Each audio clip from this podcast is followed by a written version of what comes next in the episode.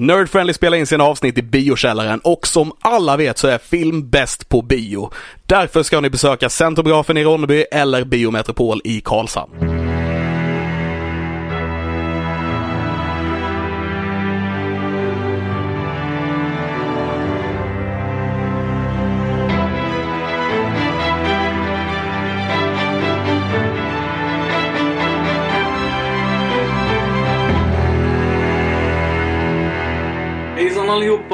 Välkomna till dagens avsnitt utav Nerd Friendly Podcast. Nerd Friendly! Men, Jag kör den igen. ja absolut. Eh, Det är podden där vi snackar film, spel, serier, allt som är nördrelaterat. Allt från comic superhjältar till, uh, I don't know, supernatural eh, och Ja. eh, all, allt annan möjlig musik. Eh, Jag heter Christian Fernlund Och jag heter Alexander Levin. och idag så eh, är det en väldigt speciell dag. Inte egentligen, men Det är, det, är, det är Guds vilodag. Just det, det är en söndag. Eh, vi kör ett extensivt avsnitt för vårt eh, avsnitt som vi spelade in häromdagen, det försvann. Det försvann. Så eh, det här är andra tagningen på detta. Men det finns lite, vad heter det? Lite ljus i mörkret där också. För att jag, jag har eh, kollat på lite saker som vi ska snacka i detta avsnitt. Så det är helt perfekt faktiskt. Ja, det har inte jag. Men, eh, så jag, jag kommer prata om samma, exakt samma saker vi, vi pratade om i förra avsnittet. Så inga, ny, inga nyhet för dig Christian, men Nej. det blir åtminstone för er som lyssnar nu. Ja, jag, jag får eh, låtsas som att det är första gången jag hör det. Ja. Ooh, ah. Ah. Eh, men först och främst, filmen som vi såg. Yes, Eh, Vi såg ju en film nu eh, förra veckan som vi skulle snacka i detta avsnittet. Och filmen som vi såg var Us. vi. Precis, vi. Jajamän. Mm. Som visar, en film som visar att det är vi själva som är fienden. Men lite så. Eh, Ja. Och till alla er som inte eh, kanske lyssnar på våra avsnitt så ofta eller sådär, så vill vi bara påminna er om att vi spoilar saker i den här showen. Vi pratar om saker ganska genomgående. Så det kan vara så att eh, vi pratar om just någonting som du inte har sett än och som du vill se. Så om vi är inne på ett sådant ämne så kan jag rekommendera starkt att ni kollar klart det först innan ni lyssnar på detta avsnittet. Yes. Så att ni inte blir spoilade på era favoritgrejer. Till exempel, om ni bryr er då, se Ja. oss innan ni lyssnar på oss. eh, Precis. att vi, innan ni hör att vi pratar om det liksom. Mm, mm. Eh, Us då är ju en film som handlar egentligen om en familj som på sin semester, eh, eller ja, hu- huvudkaraktären är ju mamman i familjen. Mm. Men det handlar om hur den här familjen på sin semester blir eh, en utav nätterna där när de är hemma så helt plötsligt står det en annan familj på deras uppfart. Ja. På dem. Det är en skräckfilm. Yes. Eh, kan man, ja, det, det är ju genren skräck, men den är inte den läskigaste skräckfilmen jag har sett. Nej, och jag tycker nog att liksom första, om man, om man, om man bortser från själva introt så eh, är det lite romantisk komedi över den i, i akt ett så att säga. Lite så. Ehm, det är liksom inte bara... Vad heter det? Den är liksom inte bara gloomy rakt igenom utan eh, karaktärerna liksom får skina igenom med deras personlighet igenom hela liksom. Mm. Eh, vilket är ganska så uppfriskande i en sån genre. Jag tycker det är väldigt Nej. charmigt i den genren. Ja, och, och, och på tal om charmigt så är ju farsan den absolut charmigaste i filmen. Precis. Eh, han har varit med och spelat Umbaco till exempel i Black Panther. som du Mm. Jajamän. Eh, och även då eh, den kvinnliga huvudrollen som spelar eh, kärleksintresset i Black Panther. Ja, en, vad är det hon heter? En, eh, fortsätt prata så kollar jag upp det så länge. Eh, I alla fall, eh, de och deras två barn eh, bestämmer sig för att ta en semester. Eh, och eh, ja, det börjar helt enkelt när de är på den här semestern. Lupita Nyong'o. Just det. Eh, och på den här semestern så upptäcker då Lupita Nyong'o att, eh, jag minns inte vad hennes karaktär i filmen heter. Jag, säger de det i filmen? Eh, vet inte. Jag är inte säker på att de gör det faktiskt. Okej. Hon står creditad som ett namn Ja, ja det gjorde hon kanske. Jag hade ju precis uppe. Men jag, jag är osäker på om de faktiskt eh, säger hennes namn i filmen. Ja, det kan jag inte svara på. Eh, hon, eh, hon står creditad som Adelaide eller Ja. Red. Mm. Ehm, så det, det som händer är att de ska på den här semestern och, och då eh, Adelaide får eh, premonitions av, eh, av att hemska saker kommer hända. Alltså hon, får, hon får flashbacks och att saker och ting det var för mycket sammanträffande helt enkelt. Mm. Det, det precis. För du pratade lite om hennes traumatiska uppväxt. Eh, nej, Nej. det inte. Jag, jag kände jag zonade bort lite när jag kollade upp hennes Mm. namn där så jag missade lite grann. Men filmen startar ju med en, en scen från mammans uppväxt. När hon är på en, eh, ja vad heter det, karneval? Här Ja, karu, tivoli. Tivoli. Eh, som ligger i Santa Cruz. Eh, Mm. Och hon eh, går vilse och tappar bort sina föräldrar eh, på, den här, eh, på det här tivolit. Och råkar gå in i ett typ eh, lusthus. Mm. Eller House of Mirrors. Eller så här. Ja. Och ehm, vi kan se hon går in där i det här lustiga huset som har en ursprungsamerikan på skylten ovanför och grejer. Eh, och eh, ja, förvirrar bort sig där inne ännu mer. För att vem hade inte förvirrat bort sig i, eh, i spegelhuset Nej, så att säga. Det blir ju också eh, strömavbrott också så att hon kan inte se någonting. Det blir också strömavbrott. Och jag är så glad att de körde en scen med att hon springer in i en spegel. Det var, det var allt jag ville ha där inne och jag fick det. Ja. Eh, en grej som jag inte visste att jag ville ha, som, jag, som vi också fick där inne, var ju att hon eh, möter en, en, en exakt kopia av sig själv där inne. Ja, ja. Som inte är en spegelbild. Nej, precis. rör sig inte som hon rör sig, kan man väl säga. Mm, mm. Mm. Den, hon eh, står med ryggen mot eh, huvudkaraktären. Precis. Till och med liksom när, när Ja. hon vänder sig om. Och det är där introt slutar. Precis. Det är det som är liksom hennes, eh, en bild av hennes uppväxt som vi får se. Eller vad Mm. ska det visar sig i alla fall att den här familjen som har som står på uppfarten. Eh, att det är de som är i familjen. Precis. Så kopior eller kloner It's, it's us, så att säga. Ja. Eh, så det är liksom lite premissen utav den här filmen. Liksom, sådär. Mm. Eh, och jag måste säga en sak som jag inte nämnde. Eh, men jag tyckte musiken var bra. Riktigt bra. Den var jätteäcklig. Den var väldigt creepy. Eh, den passade bra in med den här filmen. Jag kan inte säga att jag minns den specifikt. Men jag kommer ihåg att, eh, alltså, att jag reagerade på den när den var där. Ja. De, de gjorde en väldigt smart sak typ så du skulle kunna fokusera på scoren lite mer. Och det var ju liksom den här väldigt långa introscenen med kaninerna. Ja, Eh, där hade de ju bara liksom musiken på det. Så du Mm. hade liksom bara de två sakerna att fokusera på. ja just det. Kaninerna var ju inte så mycket att fokusera på. Så det var liksom... det var väldigt många kaniner. Ja, det var det. Men alltså det, musiken fick ta väldigt mycket plats där. Ja, precis. Och, och nu när du säger jag minns den här kören Ja, som ja, liksom... ja. Åh, åh, jag kommer inte ihåg vad, de, vad melodin var. Men, Den, den, gick ju en blandning mellan eh, behagligt och jätteobehagligt. Mhm, Eh, så det var väldigt intressant sound. ja. Eh, jag tyckte det var väldigt bra. Minns jag. Mm. Och sen minns jag också att jag tyckte jag fick eh, rysningar och tyckte det var riktigt äckligt när de här, när familjen står där på uppfarten. Det var super creepy. De bara stod där, rörde sig inte, sa ingenting. Mm. Men ju, just när de börjar röra sig mot huset Ja, och en utav ungarna som är med, de bara går ner på, eh, går ner på alla fyra och bara kravlar rakt ut i buskarna. Det var, ja. Det var äckligt som bara fan. Det såg super creepy ut. Ja. Ja, hade inte velat vara med om det. Man bara, åh nej, en, nej. Jag gillar inte det.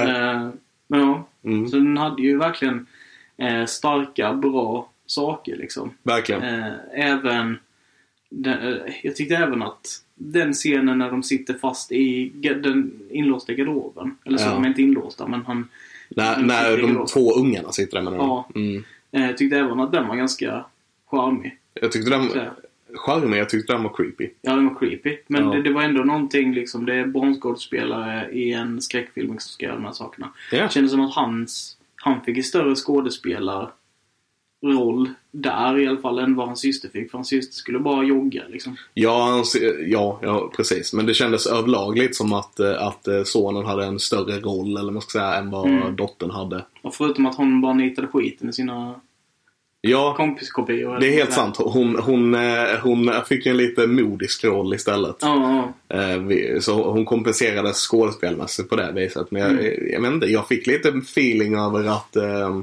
jag vet inte, de kanske tycker lite bättre om sonen i familjen än dottern. ja, kanske det. Mm. Dottern i skuggvärlden var ju tydligen ett, ett monster. Hon bara skrattade och log åt allting. Ja. Även när hon eh, spoilers, i den här filmen dog. Eh, så, så skrattade hon. ja. Eh, Hon, var, hon var en sån.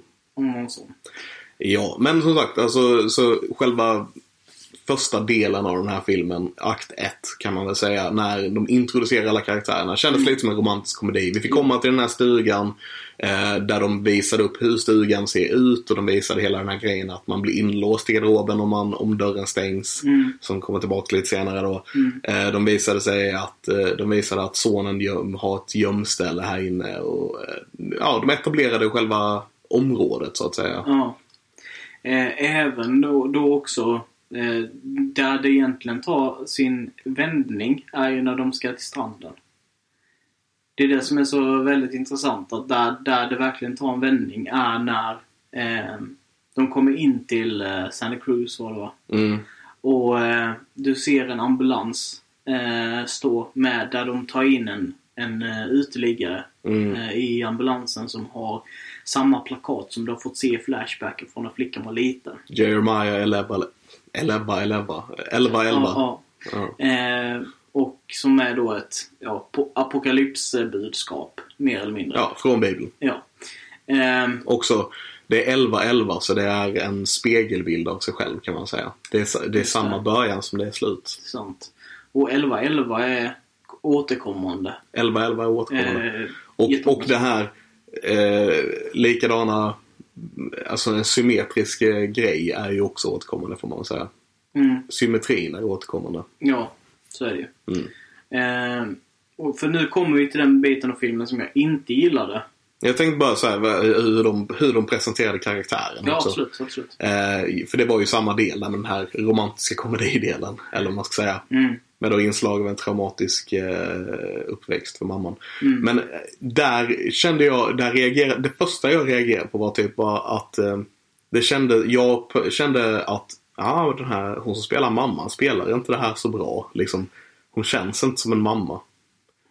Och eh, det fanns ju en mening med det som jag, Mm. som jag inte liksom såg där. mm, Utan det var mer att jag tyckte att hon spelade dåligt medan jag tyckte pappan var liksom så jävla skön i hela ja, filmen. ja, ja. Speciellt där vid, i början när han köper båten som inte funkar och han är superstolt över sin, ja.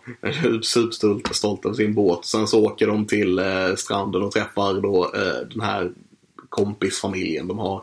Med Elizabeth Moss och eh, alla dem liksom. Och gnäller. Ja, så du, har han köpt en ny bil eller? Ja, mm, bara för jävlas med mig vet jag. vet. Ja. Han hade sina moments genom hela...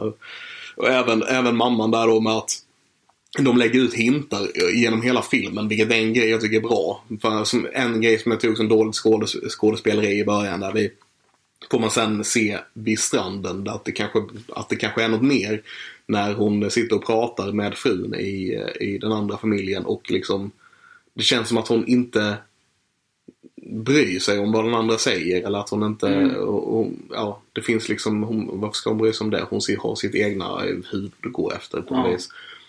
Eh, Så det, de, jag gillar att de la ut liksom hintar om att det är någonting med mamman genom hela filmen. Även, Ja. även om jag tog det som dåligt skådespeleri från början så var det ju någonting. Jag, jag tog det bara som en trauma, traumatiserad karaktär. Alltså Mm. det var liksom det enda så här att, att hon har varit med om det här traumat och att det påverkat henne liksom hela livet. Ja, Och, och det, att det blir extra illa nu liksom. Och jag tror det var det som var, de ville att man skulle tro att det var så. det, ja, absolut. Det tror jag också. Och det var nog mer så jag tog det på stranden. Mm. Medan i huset tog jag det som... Då, ja, precis. Mm. precis. Medan på stranden så ändrade jag mig att det var, hon, det var traumatiskt för henne. Hon, liksom, hon, eh, hon, eh, hon, lever fortfarande i det här på något vis. Mm. Och det blir värre när de åker till stranden där allting händer då från början också. Mm, mm. Mm. Ja. ehm, Yes, men som sagt, sen börjar, fil- sen börjar filmen kan man väl säga. Mm. Med då att eh, familjen står utanför, ungen kryper ut i trädgården och allt vad det är. och vi har en eh, ganska så straightforward, inte egentligen, men, eh, men en ganska straightforward eh, skräckrulle. ehm, där de måste fly från spegel, spegelversionen av sig själva liksom under olika omständigheter. Och, ehm, det är väldigt speciellt. Ja, Eh, de- den är, den, är, den är annorlunda fast eh, samtidigt inte på något vis. mm, Vilket, men den, den kändes lite ny. Eller vad man ska säga. Ja. Jag, jag, tyckte den var, jag tyckte den var väldigt intressant. Ja. Och, och jag, jag gillade att jag fick eh, så här, dyka ner i, eh, dyka ner i Kaninhålet. kaninhålet. Precis. Um, nej men alltså att uh, försöka hitta de här grejerna som är lika. Typ som 11-11. Att det är, liksom, det är samma grej. Mm. Eh, att eh, de här spegelversionerna dödar sina, sina riktiga kopior. Mm. Eller vad säger, de, de, de dödar sina counterparts med en sax. För att en sax ser, har samma vänstersida som den har högersida. Liksom. Mm, mm. Alltså den, den är symmetrisk. Eh, så det är en sax de använder. Plus då att de kallas för tethered. Mm. Och de använder en sax för att untethera. Mm. Det är inget riktigt ord, men ni vet vad jag menar. Mm. Ehm, och, och liksom alla de här grejerna som var väldigt intressanta att se. Och på tal om kaninhålet. Mm. Jag tar det här nu Ja, också. Ehm, jag, jag, var, jag blev bes, lite besatt av varför är det kaniner som startar den här filmen? Eller möjligtvis det var kanske Hands Across America som faktiskt startade med den TVn. Jag kommer inte Ja, riktigt ihåg. TVn är det som startade. Men de klipper sen till de här, de här vita kaninerna.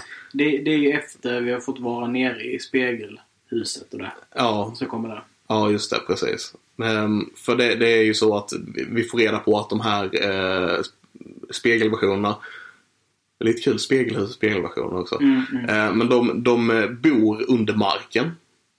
Ehm, så det, de gömmer sig under marken och de lever på kaniner där nere av någon anledning. De allra flesta var vita också. Mm. Ehm, så de, de bor under marken och lever på vita kaniner. Och jag blir såhär bara, vad är tanken med de vita kaninerna? Jag kunde liksom inte riktigt släppa det. Så jag var tvungen att liksom bara försöka hitta någon som, hade, någon som pratade om det. Och jag hittade typ inte någon som pratade om det. Jag hittade en intervju med Jordan Peele som har gjort filmen. Eh, där han pratade om att, eh, att eh, han ville ta vardagliga saker och försöka göra dem läskiga. Som dels då saxar en vanlig, vardaglig grej som alla har i hemmet liksom. Att det blir ett mordvapen. Mm. Och att det både kan vara liksom någonting som hjälper en i vardagen men det är också ett mordvapen. Ehm, och han ville ta kaniner som liksom är ett sött djur som folk har som husdjur eller du vet, eller som typ springer över vägen och det, nu är det jag som lägger till här. Eh, och eh, springer framför ett strålkastarna och följer efter strålkastarna när man kör bil så att de aldrig lämnar vägen. Så man får ligga där i 20 efter dem eh, tills de springer över vägen. Eh, men i alla fall. eh, Så att han ville ta någon sån här vanlig grej och göra den läskig var lite tanken med det. Och jag bara, jag är inte nöjd med det svaret. Så jag började fundera lite själv. Mm. Och började tänka och, och, och liksom hitta mer grejer. Och då, det var någon annan som pratade om, som jag hittade på nätet då, hur, hur, hur allting var dolt under till. Som att de lever under marken. Eh, att, att eh, som jag sa den här innan, den här ursprungsamerikanen som var ovanför spegelhuset. När vi ser det i framtiden sen så är den övermålad med, till Merlin och den heter typ Merlins Forest istället för vad det nu hette från början. Mm. Så att det gömmer sig någonting under färgen, under, under det här vi, och eh, även hela Hands Across America-grejen som de har eh, är ju baserad på en grej som hände på riktigt på 80-talet. Och eh, även om man kollade under ytan där så var det ju någonting mörkt där också. Eh, det var ehm, Hands, Hand- Hands Across America var ju att alla höll handen över USA och det var en sto- ett stort jippo och alla var så nöjda och glada med det och de samlade in pengar och sen när man kollar på det under ytan så visade det sig att inte ens hälften av pengarna de samlade in gick till välgörenhet faktiskt. Liksom. Mm. Eh, Så, så att det alltid gömmer sig någonting under ytan. Och då började jag fundera på det här med kaninerna och under ytan. Och liksom att eh, de, eh, de här spegelbilderna, de bor eh, under USA, under landet. Mm. Alice i underlandet. Mm. Eh, en vit kanin tar med dig på resan i, i underlandet så att säga. Mm. Ehm, så den kopplingen tror jag alltså till Alice, Alice i Underlandet, den vita kaninen. Mm. Och att det kanske liksom finns en slags en sån tanke med att ha de vita kaninerna under. Och det är det som basically startar filmen också. Mm. Det är det som tar med oss på resan ner Mm. eh, i, i, i filmen, i underlandet. Nu är det i och för sig Wonderland på, eh, på engelska men det är fortfarande under marken i, i Wonderland. Jag bara säger det så att ni, för att rättfärdiga mig själva. Men det, det, så det är min tanke och jag, jag gillar den här tanken. Att det Mm. är så de har gjort det. Jag vet inte om det var tanken men jag hoppas lite. Ja. Ja, det är lite roligare än att bara... Nej, kaniner är läskiga.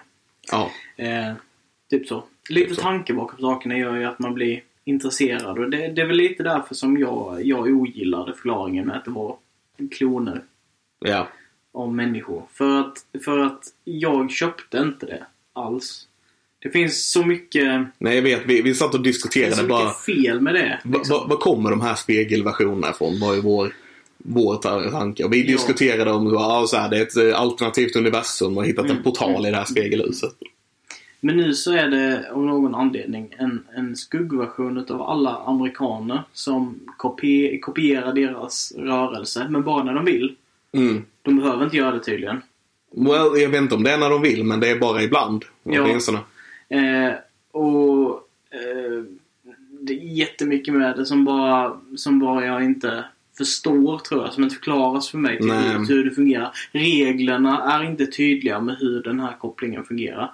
Vilket gör att frågorna blir för många. Mm. Eh, så det är liksom så konstigt. Eh, jag köper fortfarande inte, jag vet att vi diskuterat innan, jag köper fortfarande inte det liksom det här med att eh, personen där nere har blivit eh, gravid och liksom var tvungen att göra kejsarsnitt på sig själv för att den riktiga versionen gjorde kejsarsnitt och du vet.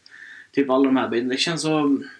Men de behöver ju inte göra likadant när de är där uppe helt plötsligt. De kan göra en plan att ta över världen liksom. Ja. Liksom bara- va- Men samtidigt så har de grejer de måste följa där uppe också. Att det, det är inte riktigt konsekvent och jag håller med dig att det blir lite... Det, det går emot varandra lite grann. Liksom. Ja, ja, ja verkligen. Eh, Mm. Jag tycker det är jättemärkligt. ja. Så... Ja, nej jag vet inte vad mer jag ska säga om det. Jag, jag gillade verkligen eh, en stor del av den här filmen. Men det finns en stor portion som jag verkligen ogillade också. Mm.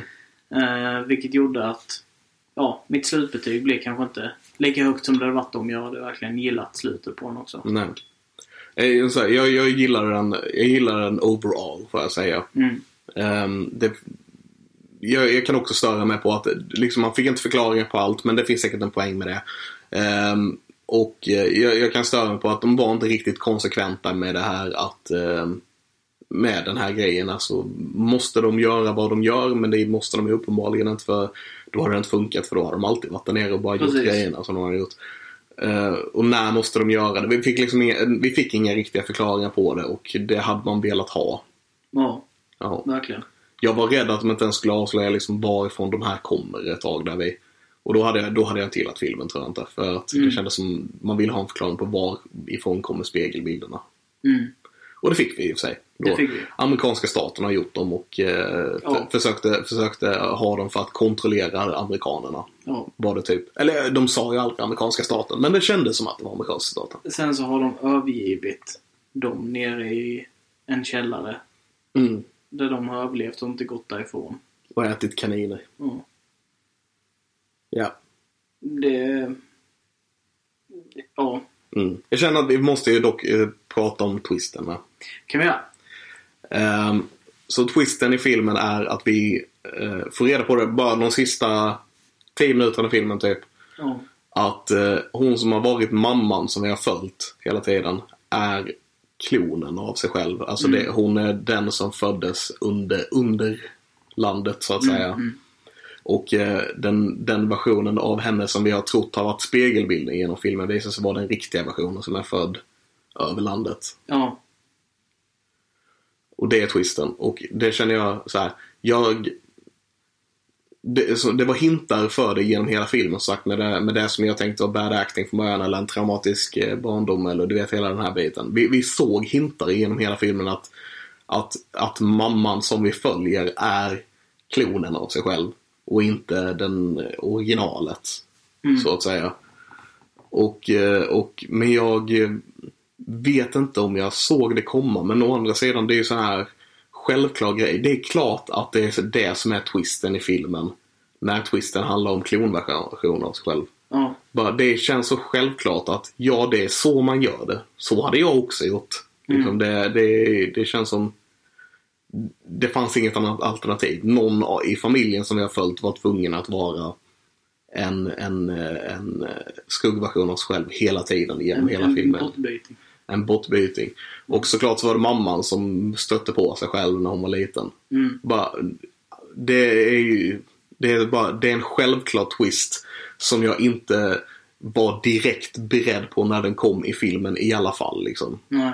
Så det tyckte jag var ganska, det var ganska snyggt gjort på något Mm. vis. Jag vet inte riktigt hur de har lyckats med tanke på att de faktiskt hintade om det hela tiden. Det kanske bara var jag som var dum den kvällen, jag vet inte.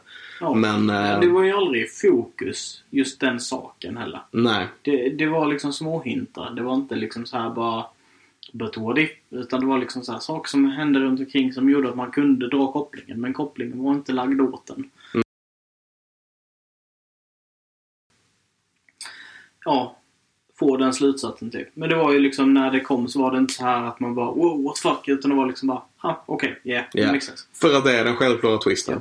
För att det, det, liksom, det känns nästan som ett måste i filmen. Ja. Ja. Och jag, jag gillade slut, den sista bilden. Eller sista scenen där det är med att de åker iväg i ambulansen. Och man ser då sonen bara kolla misstänksamt på mamman. Mm. Och eh, mamman ger tillbaks det här creepy leendet som alla de här klonerna har gjort under, under filmens gång. Liksom. Mm. Bara för att visa att hon är klonversionen av sig själv. Mm. Mm. Vilket också är... ja, Jag, gillar det. Jag gillar den grejen. Mm. Och det är liksom, även om det är tolkningen jag har från det så lämnar de lite öppet med att vet sonen och mamman avslöjar det där eller är sonen bara misstänksam och så är det mamman som, du vet alltså de, de lämnar det lite, de lämnar en diskussion där kan man Mm, väl säga. mm. Och det gillar jag. Ja, jag. Mm. Mm. Vad var det mer jag tänkte på nu bara när jag snackade om det? Jo, en sak till som jag tycker är så jävla konstig i det. Den här lilla flickan eh, som blir kidnappad utav sin kopia. Eh, dottern. Ja, Ja. Hon sätts fast vid ett vid en säng. Men de kan inte sitta där för alltid.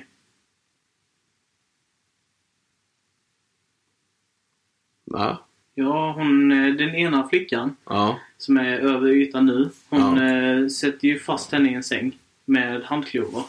De sätter fast mamman i en säng med handklovar. Ja, precis. Och tar på sig hennes kläder. Och sen går upp. I, I slutet när du får reda på allting. Ja. Ja, så, så stryper hon sin andra version av sig själv. Ja. Drar ner henne i källaren. Ja. Sen sätter hon henne med handklovar i en säng. Gör hon det? Ja. Det kommer inte ihåg. Jag kommer ihåg att hon ströp henne med handklovarna. Ja, hon sätter fast henne i alla fall så att hon inte kan gå därifrån. Hon sitter fast. Hon kan inte gå därifrån. Okej. Jaha. Ja. Ja, men vad jag tänkte var i alla fall så här. Det är jättemärkligt att den ungen bara finner sig att vara där nere sen. Väldigt, Va? väldigt snabbt verkar det som. Det här minns inte jag alls. Vad är det nu som... Nej, men jag bara, jag bara tänker, okej så den mamman Ja. eh, byter ju plats med sin, med sin, med den riktiga. Ja. Ja. Eh, och den riktiga blir kvar nere i källaren. Ja. Ja, hon drar ner henne där, sätter fast henne där. Mhm.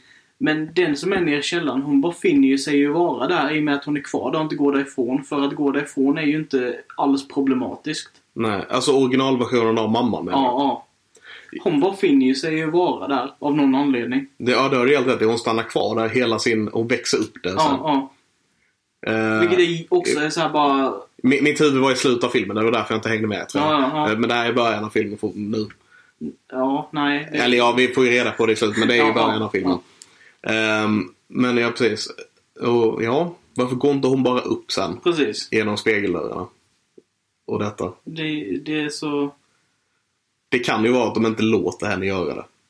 Absolut. Eh, det hade ju kunnat vara. Men det, det kändes ju inte som att någon brydde sig om någonting någonsin där nere. Det var ju något tillfällen de visade, där en bild också med att hon, att alla de står liksom eh, i en cirkel runt henne typ. Mm. Det, de förklarade det i filmen som att det var där de upptäckte att hon var speciell snarare. Men, men sen samtidigt, Men, eh, den här skuggan, hon bara gick till hissen och bara gick upp. Ja. Alltså, ja, men det var, när, det var ju när den riktiga versionen gick ner till spegelhuset.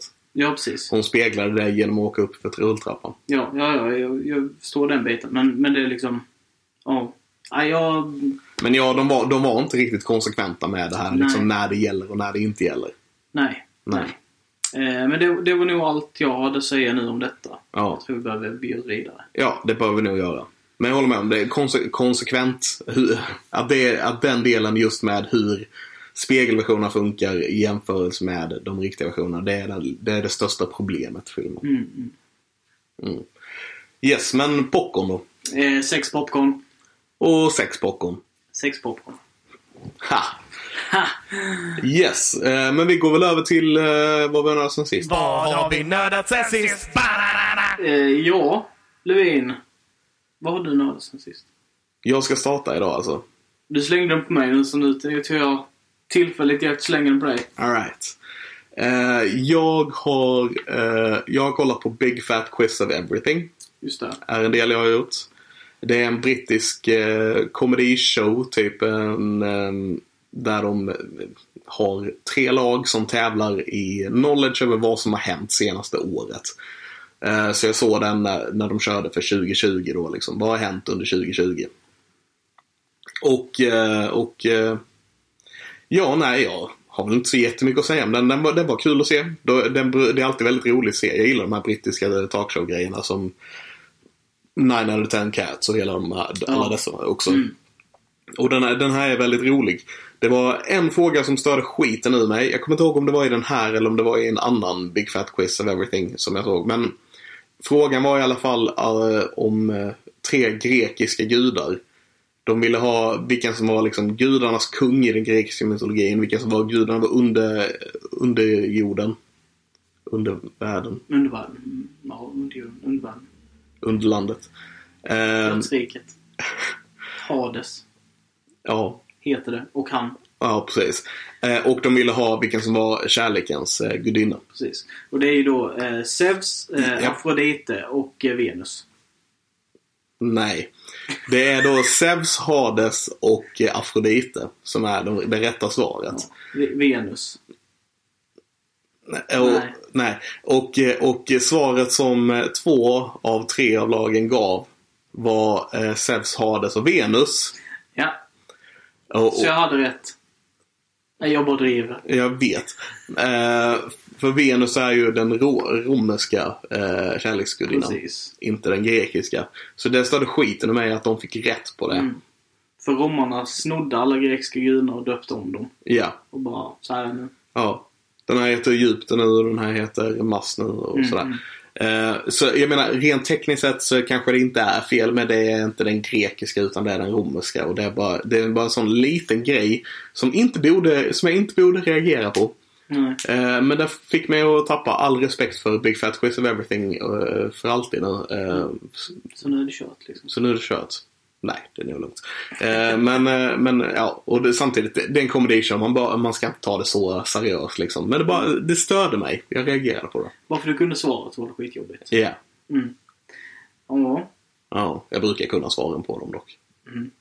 Tycker jag. Det är inte så här super. Vissa frågor är bara okej, den här grejen har jag aldrig hört talas om. Ja, Men det var tydligen någon internetgrej som hände. I don't know. okej. Jag jag är inte, jag är inte så ung längre tydligen. Jag ska, jag ska ta och titta på den också. Mm. Se om man kommer ihåg någonting. Ja, ja. Ehm, så det har jag gjort. Ehm, vad har jag mer gjort? Eh, jag har kollat om Silicon Valley. Just det. ehm, som är en serie jag tycker om väldigt mycket. Ehm, Du har rekommenderat den för mig också. Jag Den verkar ju också. ganska rolig. Det var han Tom Hiddle, nej vad han heter? eh, Thomas Middleditch. Thomas Middle, Middleditch. Han- mi, ja, Middleditch and Swartz. Precis. Den pratade vi om förra avsnittet. Ja, jag ja. hade sett den. Men eh, jag kollar, och det kanske var därför jag kollade om Silicon Valley också. Bara för Thomas Middleditch har ju huvudrollen i Silicon Valley. Mm. Där han spelar en, en, en programmerare i eh, ja, Silicon Valley som eh, bor i en inkubator tillsammans med några andra programmerare basically. Ja. Eh, och eh, där han kommer på en, en dunderidé får man väl säga. Mm. Och ehm, försöker starta ett företag med, med hjälp av den här idén. Med sagd dunderidé. Med sagd dunder, dunderidé. Och eh, alla stora företagen eh, och även mindre företag försöker stjäla idén eller förstöra för honom. Eller du vet så här komma först till pallen så att eh, det blir de stora företagen som tjänar pengarna istället för hans lilla nystartade företag den här inkubatorn då. Mm. Och eh, som sagt, det låter kanske inte superroligt. Men eh, det är en väldigt eh, rolig serie och man, man, man lär sig, eller man, man gillar karaktärerna väldigt mycket. Och jag tycker skådespelarna gör ett väldigt bra jobb. Det är, det är då Thomas Middleditch och Kumail Nanjiani. Och ehm, han som spelar läraren i Spider-Man som också är med i Geeks and Freaks som jag helt tappar namn på nu. Oj. Så här, alla känner igen honom om ni, om ni ser honom. Eh, och TJ Miller från eh, Deadpool. Just det. Mm. Eh, han är med. Han spelar personen som äger inkubatorn som de bor och jobbar i. Han spelar ett rövhål i den eh, serien får man väl säga. Okej. Mm. Ja. Ja. Han bara han, ja, han han äger inkubatorn och tar in idéer som han tycker eh, låter roliga. Och sen så, eh, bara för att de startar sin idé i hans inkubator så äger han 10% av deras idéer. Mm. Och blir liksom kvar alla företagen och eh, bara försöker utnyttja, utnyttja alla för att tjäna pengar på dem. Och eh, nu när det verkar vara en, en bra idé då som eh, Thomas eh, karaktär har så eh, lutar han sig lite extra på den idén. Mm. Och skiter i alla andra lite grann. Ja. Nej, men det är en bra serie. Mm. Så den har jag sett. Ehm, en annan grej som eh, jag har nördat sen sist är att ehm, I julas så fick jag en, eh, jag börjar historien så här. Eh, I julas fick jag en julklapp av en polare. Eller jag fick flera julklappar men en, en av de här julklapparna var ett eh, litet legoskepp. Och eh, jag byggde extremt mycket lego när jag var liten. Det var min grej liksom när jag var liten. Satt och kollade på Star Wars och Gremlins och grejer och byggde lego samtidigt. Så när jag fick den lego-grejen så, ja, jag vet jag blev lite nostalgisk och jag kände bara att jag eh, eh, jag hamnade i ett slags lego-groove eller vad man ska säga. Började kolla på Lego Masters Sweden och USA. Eh, och eh, satt och byggde det här eh, lilla legoskeppet Star Wars. Eh, kändes viktigt att vara Star Wars-lego. Mm. Ehm, och tyckte det var asgött faktiskt. Det var väldigt eh, meditativt och jag, jag, jag blev typ lugn av det och mådde lite extra bra av att få sitta och bygga lego och kolla på TV samtidigt. Mm.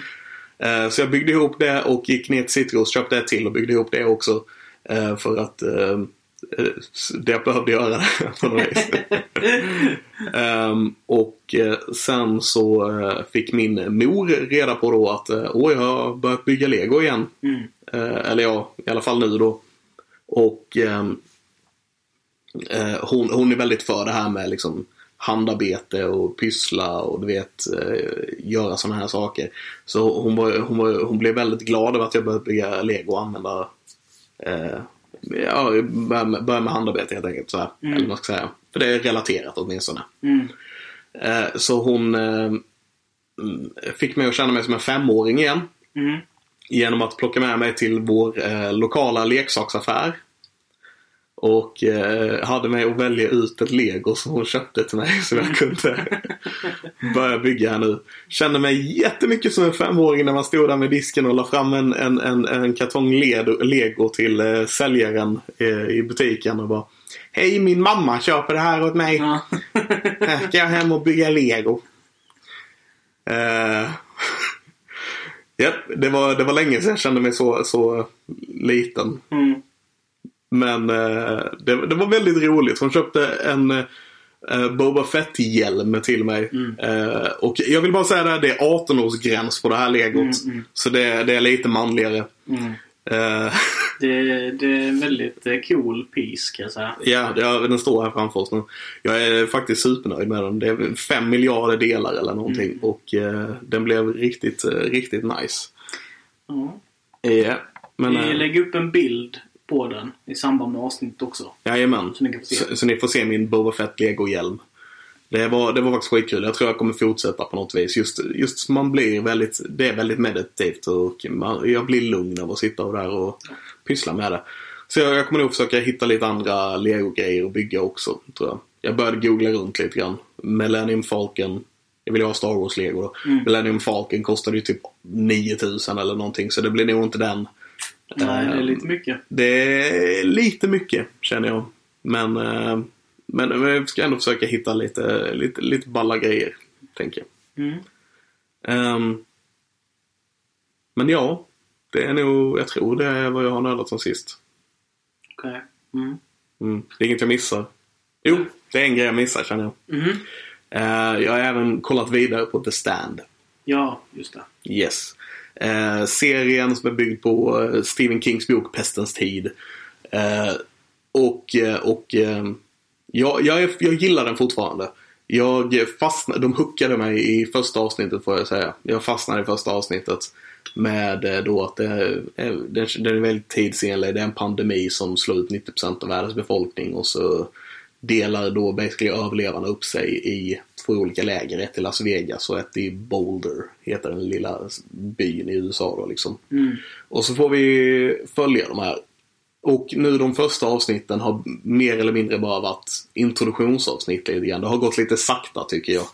Ehm, Så jag känner mig mindre hookad nu än vad jag gjorde när, efter första avsnittet. Vi hoppas att payoffen på build-upen är, är värd det liksom. Jag hoppas också på det, för annars kommer jag vara väldigt besviken. Mm. Men de, de, de bygger verkligen upp för, inför någonting. Men nu de här första avsnitten har varit liksom bara... Ja, vi får reda på vad, vilka är det som bor i Boulder. De visar bara Boulder nu i första avsnitten. Mm. Vilka är det som bor där? Hur kom de dit? Typ, eh, lite vad hade de för liv innan och sådär. Mm. Eh, men nu känner jag att nu börjar det ändå hända grejer. Vi har fått en person som har kommit dit eh, från Las Vegas för att varna dem. Som hade blivit korsfäst. Han hade sår i armarna från spikarna som de hade fäst han med. Och du vet, han pratade om att eh, eh, the dark man is coming. Mm. Och eh, sådana här saker. Och vi, vi har, det har börjat hända lite grejer. Det är andra grejer som har hänt också men jag vill inte avslöja för mycket. Liksom, nej. Om du kommer kolla på dem. Ehm, så det börjar ta, ta fart nu och jag är väldigt nyfiken. Jag känner, jag känner väldigt hoppfull om vad den här serien kan bli. Mm. Jag hoppas på att den, den, eh, den blir det jag vill att det ska bli också. Ja, ja. Mm. Ja, nej, det förstår jag. Mm. Intressant. Yes. Men det är väl vad jag har gjort. Eh, nördat sen sist helt enkelt. Vad har du nördat sen sist? Eh, men vi kan börja då med lite saker, saker runt omkring. Jag har spelat ganska mycket eh, dataspel. Eh, det fanns ett erbjudande på eh, Xbox eh, speltjänst. Eh, som man billigt kunde komma undan med tre månader liksom, av att spela spel därifrån. Så jag testade lite olika, typ spelat Doom Eternal till exempel. Eh, Döda Demoner som har kommit till jorden nu. Eh, totalt och kvaddar dem och det är superextremt och jätteblodigt eh, och det är jättekul. Eh, sen så spelade Monster Train som är då ett slags kortspel där du åker roguelike så du får nya kort varje run du börjar spela och ska försöka ta dig in till helvetets mittpunkt och återtända elden i helvetet liksom. Jo. Uh. Varför har man digitala kortspel? Va? Varför har man digitala kortspel och gör inte som ett kortspel? Eh, tänk dig att det är typ som en avancerad patiens. Ja, Typ halvpart. sure, sure, sure. Det har de i sig på datorn också. Ja, precis. Så det, det eh, ja, eh, jag skulle säga att det är typ en avancerad patiens. Men du vet inte om de har gjort som kortspel också? Det har de inte. Garanterat inte. Okej. Det, det är också med matematiken i det som har med det att göra. Mm. Till exempel, du kan ha ett kort och sen kan du uppgradera korten så de blir starkare. Det skulle vara liksom... Det skulle vara ganska omständigt. Du kommer liksom till en viss plats och så kan du välja att få en artefakt och artefakten du får ändra liksom, kan ändra alla kortens användningsområden och liknande. Det skulle vara liksom helt kaotiskt om den mekaniken var i ett kortspel för dig själv. Fa- Fast de har något liknande med typ ehm, eh, Gloomhaven som vi spelar. Det är ju också kort. Mm. Och där kan det ju vara att om man låser upp saker, artefakter och liknande som är i form av typ klistermärken som man klistrar på kortet över ett annat för att visa att värdet ändras och sådana saker. Mm, mm. Så det, det hade säkert gått att lösa tänker jag. Ja, ja, kanske det. Det kanske kommer i framtiden, jag vet inte. Kanske. Eh, men eh, ja, det är i alla fall ganska så, ganska så härligt kortspel. Mm. Eh, så jag spelade lite, jag testade No Man's Sky, tyckte inte om det, spelade lite grann. Det var inte så, inte så roligt. Eh, Nej, just det. Det var det namnet jag reagerade på. ja, Att de har tagit No Man's Land och bara bytt ut Land mot Sky och bara Mm. haha jävlar vad smarta vi är. ja. Och sen kallades det för One Man's Lie också. Vilket var väldigt roligt med Ja. tanke på att det då... Det nådde inte upp till förväntningarna alls. Nej. Och han straight up ljög för folk. Ja, bara. Men, men Det här är vad spelet är. Bara kom ut så är det inte alls vad det är. Nej. Nej. det är lite tråkigt när det är så. Mm. Eh, ja, det var nog de bitarna där. Sen såg jag ju Oh Brother Where Art Thou och såg någonting väldigt intressant i introtext som inte jag sett innan. Nej. Och det är att det står, eh, jag tror det står based eller loosely based on the, n- ja, Odyssey. ja, och på Odysseen då av Mm. Homer. Ja. Ehm, och, Horus. mm, och efter det så fann jag ny kärlek för den filmen lite grann. Ja. För det är någonting jag inte kommer ihåg från den filmen heller. Eh, att, eh, jag minns inte det. Och jag, även efter du har sagt det så kan jag inte minnas att det är någonting som sägs i början av filmen. Men Ja, men det, det, ja nu när du har liksom pratat lite, det var jättelänge sedan jag såg filmen to be fair. Men eh, jag köper det ändå nu när du har pratat lite om det liksom. Mm. Vi har ju kopplingar då bland annat för de här de träffar på tre kvinnor som sjunger nere vid en bäck och eh, en utav karaktärerna blir helt besatt och springer ner och de springer alla ner och de sjunger och eh, super ner dem och förråder en utav dem i botten liksom. Och det, det, de ska vara sirenerna. Ja, De sjunger och lurar sjömännen liksom. Eh, och det låter så självklart nu efteråt. Ja, liksom. visst. Ja. Och John Goodman som spelar en, en eh, bibelförsäljare som lurar ut dem på en picknick och slår dem med en, med en träpinne. Ja, Eh, han har ju en ögonlapp för ena ögat. för att han är pirat.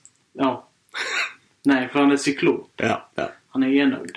Eh, så det är, det är väldigt, eh, väldigt många sådana intressanta kopplingar. Så jag skulle verkligen rekommendera om ni inte har tänkt på detta, se om den filmen och, ja. och eh, tänk på Odysseen-kopplingarna. Jag tror faktiskt jag kommer kolla om den. Bara för nu, för jag, jag, det är inget jag har reflekterat över förrän som sagt, det var väldigt länge sedan jag såg den också. Men, det är såna, också sådana små saker som att eh, Love Interestet är, heter Penny och hennes karaktär i, i, i Odysseen är Penelope. Ja, Eh, huvudkaraktären heter typ Elysius Everett. Elysius Odysseus. ja, ja. Så han ska vara Odysseus och sen så... Ja. Ja. Coen Brothers. Du vet, de, de vet vad de håller på med. Mm, det var lite cool. Mm. Eh, nej men så det tyckte jag var väldigt spännande och ville nämna här. Eh, och sen eh, så är det en sak till. Som är ganska stor för mig. Eh, för att den har präglat en... Den har funnits med mig ur en stor del utav eh, mitt liv. Mer än halva mitt liv har den här eh, serien varit på TV. Och det är Supernatural. Yes. Och som ni förmodligen vet som lyssnar, det kanske kommer lite sent för ni har förmodligen sett det redan om ni har. Eh, om ni är intresserade liksom. Om ni inte har det så se det först och sen så. För vi kommer spoila lite här. Ja. En- Jag har också sett, eh, sett klart det. Ja. Har också så här, haft det i mitt liv större delen. Ja. Eller större delen av mitt liv helt enkelt. Så, ja. Det, det var ju så att den kom ju i höstas. Eh, men den har inte blivit helt releasad på en, en och samma streamingtjänst förrän för någon vecka sedan. Nej. Så jag har inte haft eh, möjlighet att se den först då. Eh, men nu har jag sett den och... Ja. Jag måste säga att i helhet så är säsong 15 en besvikelse. Ja, jag Nej. håller med. Till större del. Den var så ointressant eh, på nästan alla plan. Ja. Eh, Men jag menar, to be fair. Som sagt, det, serien är 15 säsonger lång. ja. Och de sista typ fem säsongerna har ju varit lite ja, sämre kvalitet än de eh, första, får man väl säga. så, så är det ju absolut. Mm. Eh, det, det kan man inte under bordet med. Det har funnits några karaktärer som har liksom varit jävligt bra som man har tagit fram liksom. Eh, och som man också har vågat släppa taget om. Men Mm. vissa karaktärer vågar man inte riktigt släppa taget om. Eh, vilket, vilket har skapat frustrationer för mig. För det finns liksom ingen, ingen real stake. Nej. Ehm, Man, vet ju, vi kan ju säga så här, alltså huvudkaraktärerna Sam och Dean, de har ju dött 15 gånger säkert också på 15 säsonger. ja. Eh, och kommer tillbaks varenda gång. Så liksom, det, som sagt, det finns ingen real stake så sett i det. Ehm, och eh, även andra karaktärer har dött och kommer tillbaks. Och du vet, liksom, det, det är så den serien funkar. Mm. Ingen dör på riktigt, men någon dör på riktigt ibland. Och man, eh, det, ja. Ja. Lite också, den är inte så konsekvent på det här kanske. Alltså... Jag vet inte riktigt vad jag ska säga där liksom. Vi vet om att de karaktärerna som är i toppen är safe. Ja, så är det ju. Alltid. Ja. Eh, fram till nu då. Ja. Eh, men de har alltid varit safe. Mhm. Eh, och Så, eh, nu tappar jag story armor, är inte rätt ord. Eh, Plot armor. Plot armor, tack. Ja. Eh, och de har en väldigt, eh, de har en, en tråkig variant utav plot armor. Där det inte är bara liksom att de klarar sig utan att de fejkar att det är dramatiskt för att de dör. Men de dör inte. Nej. Men, Så, men de är ett- superledsna för att de dör varenda gång och, så här, och sen så kommer de tillbaks. Eh, Ett men, par gånger så kan jag köpa liksom att man kan göra på det sättet. Till i början när de jobbade med Absolut, det. Men när det händer visste att- hela jävla tiden. ja, men det i början när de inte visste att de skulle komma tillbaks och så här. Och Mm. den här då, då är det en annan sak. Men sen när de kommer tillbaks varje gång Mm. utan problem varje gång. Mm. Du vet, då, är det, då blir det lite så. Ja, man, Sen, ja. sen, sen försöker de höja stakesen genom typ att eh, de vänder ju döden mot dem. Mm. För att såklart så är döden en karaktär i Supernatural. Mm. Ehm, och eh, säger typ att om ni dör nu så kommer ni aldrig komma tillbaks igen för att jag tycker inte om er. Typ. Och det stämde inte. Nej. Eh, och sen så eh, vänder de ännu mer på det nu då i säsong 15 med att göra Gud, eh, The God, som har varit deras polare typ nu eh, ganska många säsonger. Mm. Eh, att göra han till the bad guy. Mm. Eh, och han kommer avsluta allt basically. Vilket jag tyckte var ett kul koncept. Det, det är en kul idé. Och det känns som rätt idé för, för serien. Ja. De, de har haft Satan. De har haft eh, liksom som så Big Bads. Mm. De har haft, de har haft eh, som sagt Satan, de har haft eh, Leviathans, de har haft Guds syrra. Och Guds eh, eh, antecknare. Och Guds antecknare. Eh, Metatron, The Voice of God. Det är nog en av mina favoriter. Jag gillar han. Jag gillar skådespelaren. För Mm. Han spelar snott Mm. i, i Nördarnas revansch också. Eh, vilket tog mig en liten stund att inse, men ja, det är han. Ehm, nej, jag, jag gillar han. Jag tror, jag tror nog Lucifer är min favorit och, och Ja. från någon tidigare. Nu när han har kommit tillbaka 800 gånger så är han inte lika intressant längre. Nej, nej. Eh, Jag håller verkligen med dig. Ja, även ärkeängeln Michael har väl varit skurken vid något tillfälle. Och, Ja. ja. Det var han ju. De har, det är väldigt så här, de har haft alla de här Både, både kristna gestalterna som bad guys och även liksom från eh, folktro och sådär. Ja. Mm. Men The Big Bads har varit ganska så enhetligt från kristen mytologi eller vad man kan kalla det. Ja, med demoner och eh, Teologi kanske. Teologi är nog rätt. Ja. Ja. Ja, så, så att göra The God som eh, The Big Bad i sista säsongen är, är det, kän, det känns som att det är så det borde vara liksom. Ja. Ja. Mm. Eh, och det funkar, funkar ganska bra. Alltså de bitarna är ju ganska så... ehm, Jag fucking hatade hur de vann över Gud dock. ja. De, dels så bara kändes själva idén för det kändes väldigt bara, ja men vi har ingen bättre lösning så vi tar den här. Mm. Med att eh, Jack nu då bara suger upp Guds energi och blir den nya Gud typ. Ja. Vilket kändes bara, okej, ja, vi har den här karaktären som vi inte vet vad vi ska göra med så därför får han det här jobbet nu. Ja. Hoppas på att folk tänker att det är vår plan hela tiden. Mm. Eh, och sen dessutom han eh, som spelar Gud. Jag tyckte hans skådespeleri när han har insett att han blivit människa nu då. Jag tyckte det var fruktansvärt. Det var jobbigt att kolla på för det var så dåligt och han krälade på marken och du vet. Ja, så det var, det var en besvikelse för mig får jag säga. Ja. Ja. Ja, ja. Ja, li, lite så. Jag kände mig väl inte så tillfredsställd utav, utav det slutet på det. Men och på samma gång så har hela den säsongen kinda bummed me out. Så att jag. Jag såg ju denna säsongen för det allra sista avsnittet kan man väl säga. Ja, Eh, lite så. för det, det var... Det var slutet liksom som jag såg den för. Ja, För liksom... för att få ett avslut på det helt Ja. enkelt. Ja. Och det var... Det var magiskt, måste jag säga. För mig var det en- magisk upplevelse. Jag Mm. var så emotionell genom hela episoden. Liksom. Det, här är, det här är sista avsnittet. Liksom, så här. Ja. Och jag borde ha sett det. Jag borde ha sett det komma med allting de gjorde med Dean. Liksom, Mm. I början. Liksom, att det var hans eh, klassiker liksom, hela tiden. Ja. pajätningen, liksom, hans skämt och att han vill använda kaststjärnorna. Liksom, all- alla, alla sakerna som vi har fått med oss från nästan, nästan bara fillers egentligen innan. Mm. De här eh, quirky nördgrejerna som Dean håller på med. Ja, alltså, saker de har använt bara för att bygga ut hans karaktär. Ja, Mm. som fansen förmodligen älskar Ja, mest. ja, absolut. Eh, och som jag också älskar mest. Ja, och jag med. Eh, ja, vi är ju fans. Det är sant. Ehm, Alltså även, även om jag gnällde jättemycket på slutet där med hela Big Gud som Big Bad och detta. Så jag är fortfarande nöjd med det. Jag är fortfarande ett fan, det är inte så jag menar. Men jag önskar de hade lagt lite mer tid på det. Ja.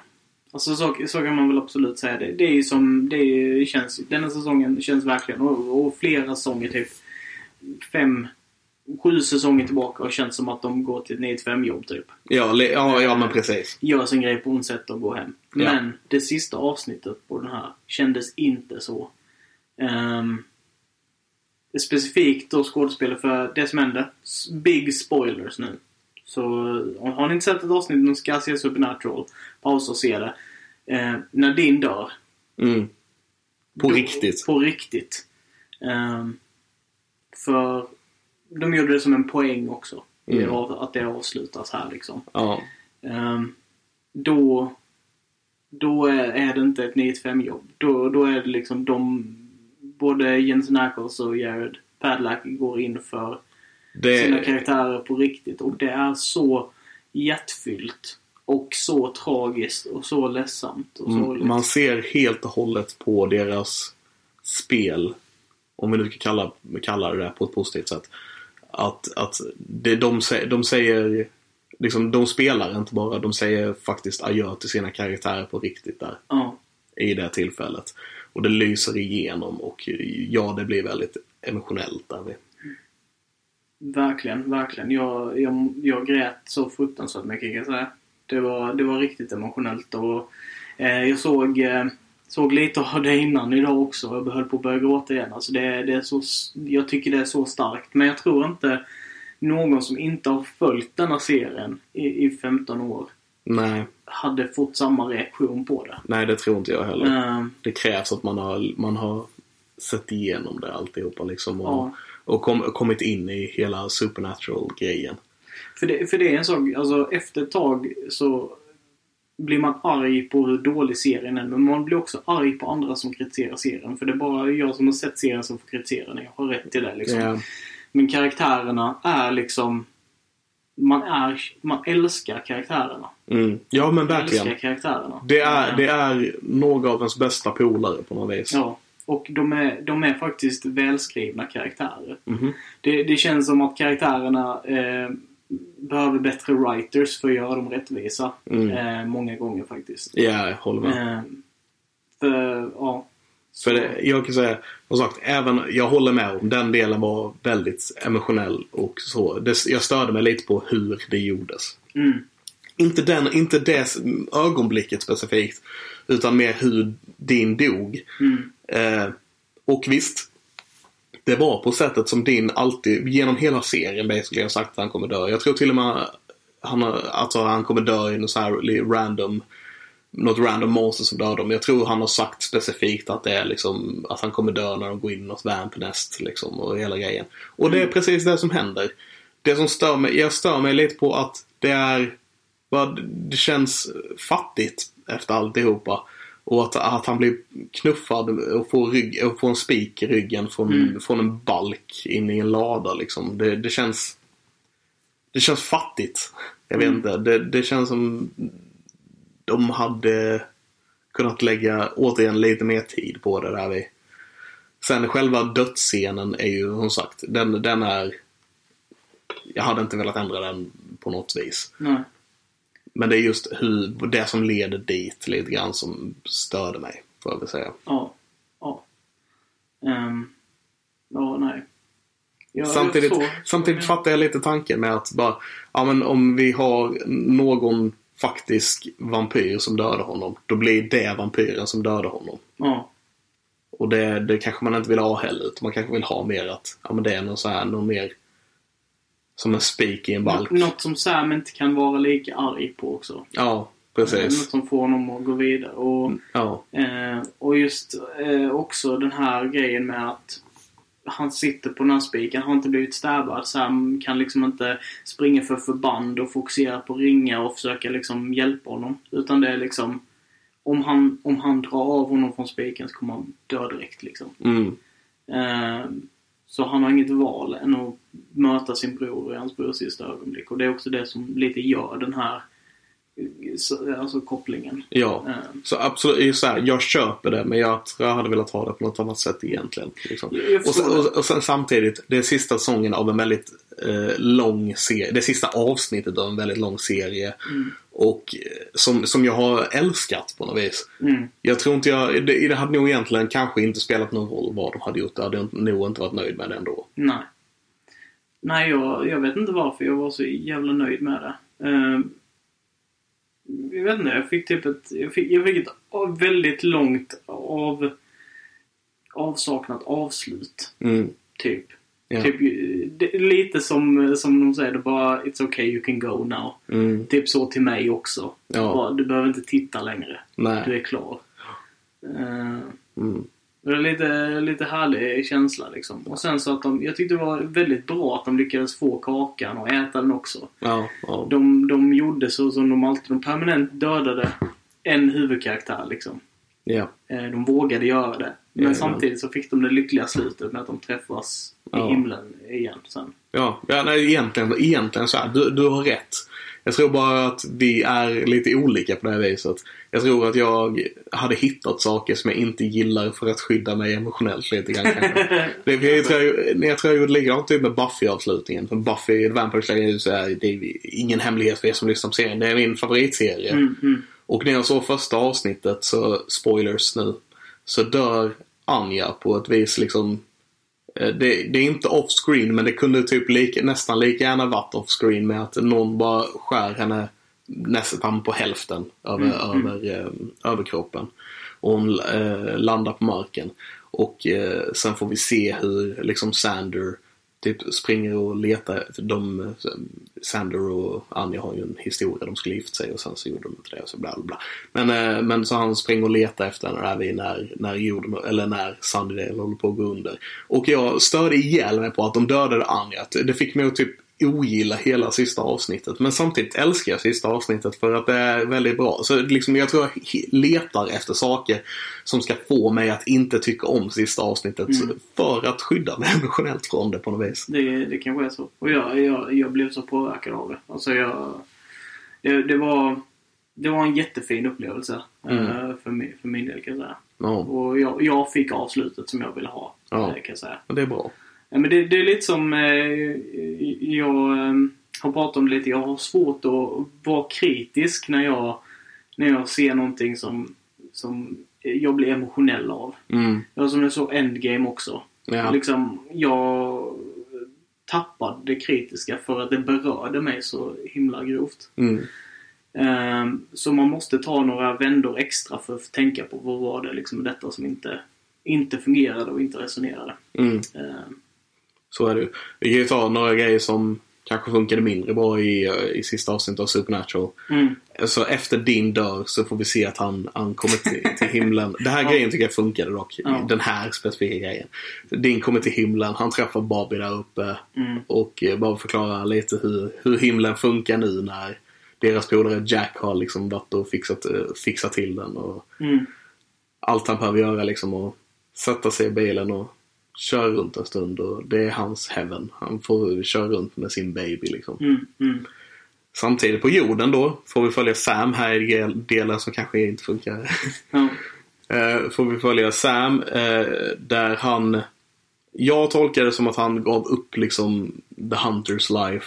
Mm. Hittade en fru, skaffade barn. Eh, och sen får vi liksom följa han, hur han blir äldre och ja, hur han, hur han blir äldre och sen tills hans död egentligen. Mm.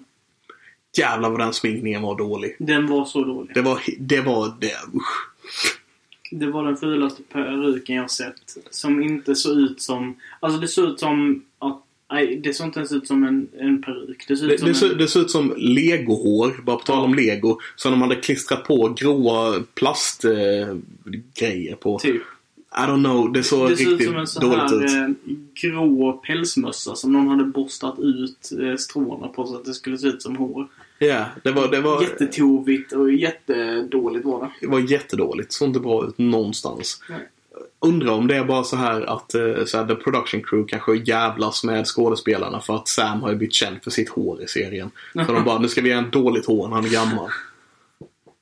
Ja, kanske.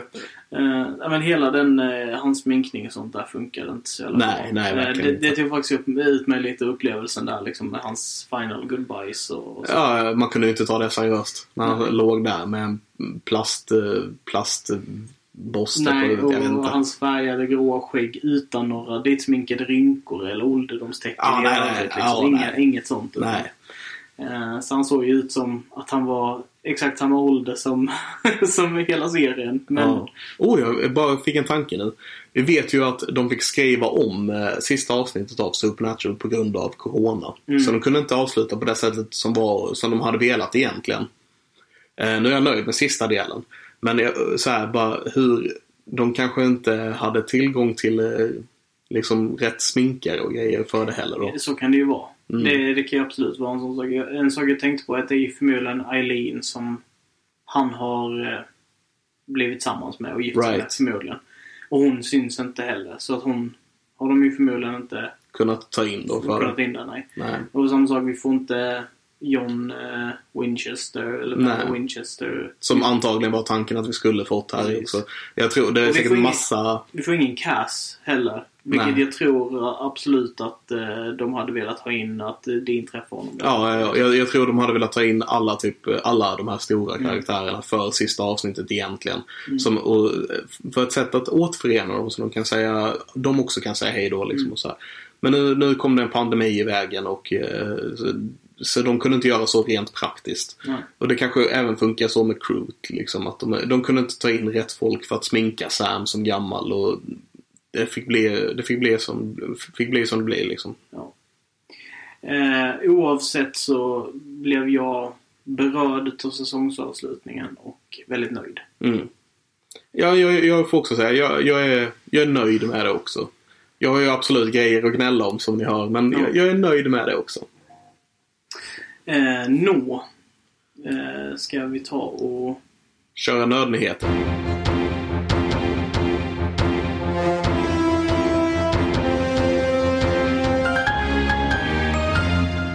God morgon och välkomna till Nödnyheter. Eh, Min första nödnyhet är att eh, Loki-serien eh, som kommer någon gång i år, i maj om jag inte minns helt fel. eh, Så har redan fått en säsong två beställd. Det kommer komma en säsong två av Loki.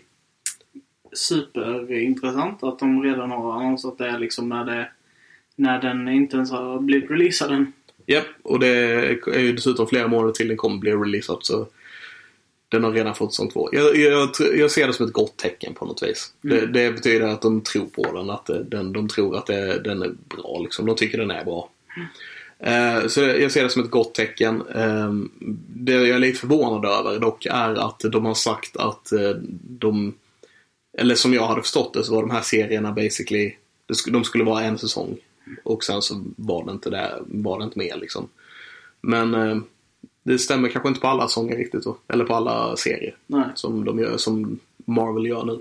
Med sin, I sitt MCU. Ehm, men det var, det var första nyheten. Andra nyheten är att Universal släpper sina klassiska monsterfilmer gratis på YouTube i en vecka. Eh, De klassiska monsterfilmerna är typ Dracula, Frankenstein, Wolfman, Mumien. Dessa filmerna liksom. Så de kommer släppa dem så man har möjlighet att se dem gratis på YouTube.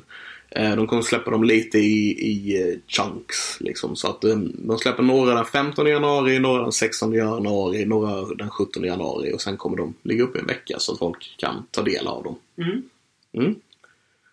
Um, tyckte jag var en fin tanke som sagt. Ja. Ja. Vi pratade lite om det här sist men eh, ja. Nej men jag, jag, jag, ty- jag tyckte det är en bra grej. Eh, även om det antagligen bara är en grej för att få få folk att prata om de gamla monsterfilmerna igen så de kan komma igång med sitt monsteruniversum som de har jobbat med och försökt få igång länge nu. Ja, ja. Ja, ja så kan det ju vara. yes.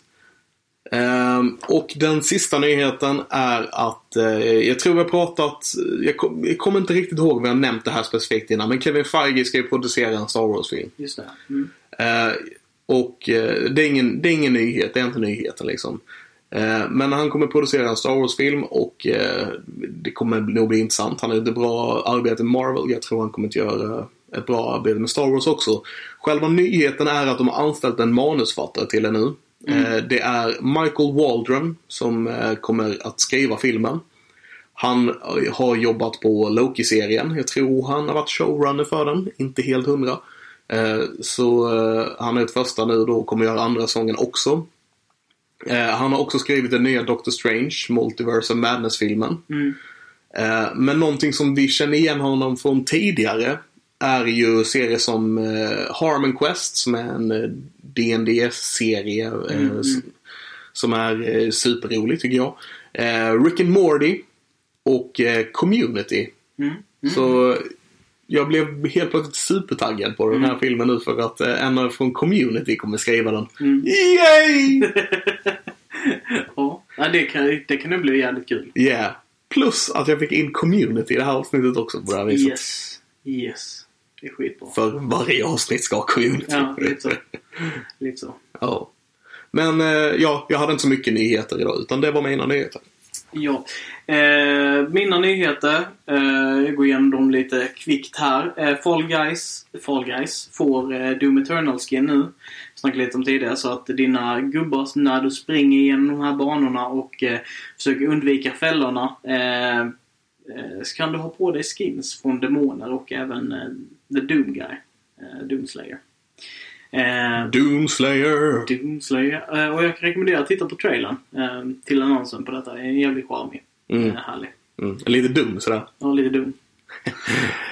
Ja. Eh, sen så eh, har jag hittat en liten lista här på lite spel som kommer nu. Eh, I nästa år. Och några utav dem som jag är mest, eh, mest taggad på är då eh, Hollow Knight Silksong. Eh, som är ett roguelike spel där du spelar en liten söt eh, figur med nål som springer omkring i, under marken och slåss med insekter och försöker att purga då den här världen från korruption och, och ondska. Mm. Eh, Visar sig att eh, den här eh, knighten då är helt tom inuti. ja, Mm. ja, han är tom. Yes. Eh, tvåan i alla fall heter Hollow Knight Silksong och kommer handla om en karaktär som heter Hornet som är då en boss i första spelet. Mm. Tom Hornet. Ja, Tom Hornet. Mm. Nej. Eh, ett annat spel som kommer är Total War Warhammer 3. Fuck yeah. Eh, som är då ett, ja, eh, det är ju ett krigsspel som dels går ut på att bygga din stad och liksom få din stad att frodas och bygga mer. Men också att slåss i realtid. Med, eller du kan pausa också i de här fighterna och slåss med ganska så stora. Eh, man kan säga att det är typ en krigsföringssimulator på något sätt. Ja, yeah. jag ska chocka lyssnarna lite här genom att säga att det är ett spel jag faktiskt har spelat Ja. och tyckt om att spela. Eh, började med Rome Total, Total War som jag Mm. började med. Men jag har också spelat Warhammer eh, Total War. Mm. Och jag, jag tycker det, det var faktiskt ett av de få spelen jag tycker om att spela. Eller Ja. tyckte om att spela. Jag har inte gjort det väldigt länge men. Nej. Eh, nej, väldigt intressant. Och det kom in två för ett tag sedan och nu kommer även trean då. Mm. Eh, så vi är excited att se vad det har, har att ha med sig. Sen Jajamän. har vi då Dying Light 2 som är då uppföljaren till ett, eh, ett eh, zombie survival crafting-spel. Där du parkourar över städer och gör uppdrag. Mm. Eh, Det är också så här lite en prequel till Die Hard. För man dör light istället. fun light. Fast Die Light. Ja. Eh, sen har vi då en som, som chockvärdet på den blir inte lika bra. Men jag kommer ändå dra på här. Jag tycker det är värt det för er lyssnare där hemma. Eh, spel som heter Boyfriend Dungeon. Eh, och här står det då i PC Gamers eh, ja, lilla premissfönster vad det handlar om. Står det Arthur doesn't outlevel Excalibur. Frodo doesn't swap Sting for something with a better chance to crit. Heroes hang on to their weapons. Boyfriends, boyfriend dungeon takes this idea to the next level. When you leave its dungeon with a magic talking sword, that sword transforms into a cutie. And boyfriend dungeon transforms into an action from an action RPG into a dating sim. These swords are called Beyblades. By the way. Oh. And if you have a problem with that, we don't trust your judgment. Ja.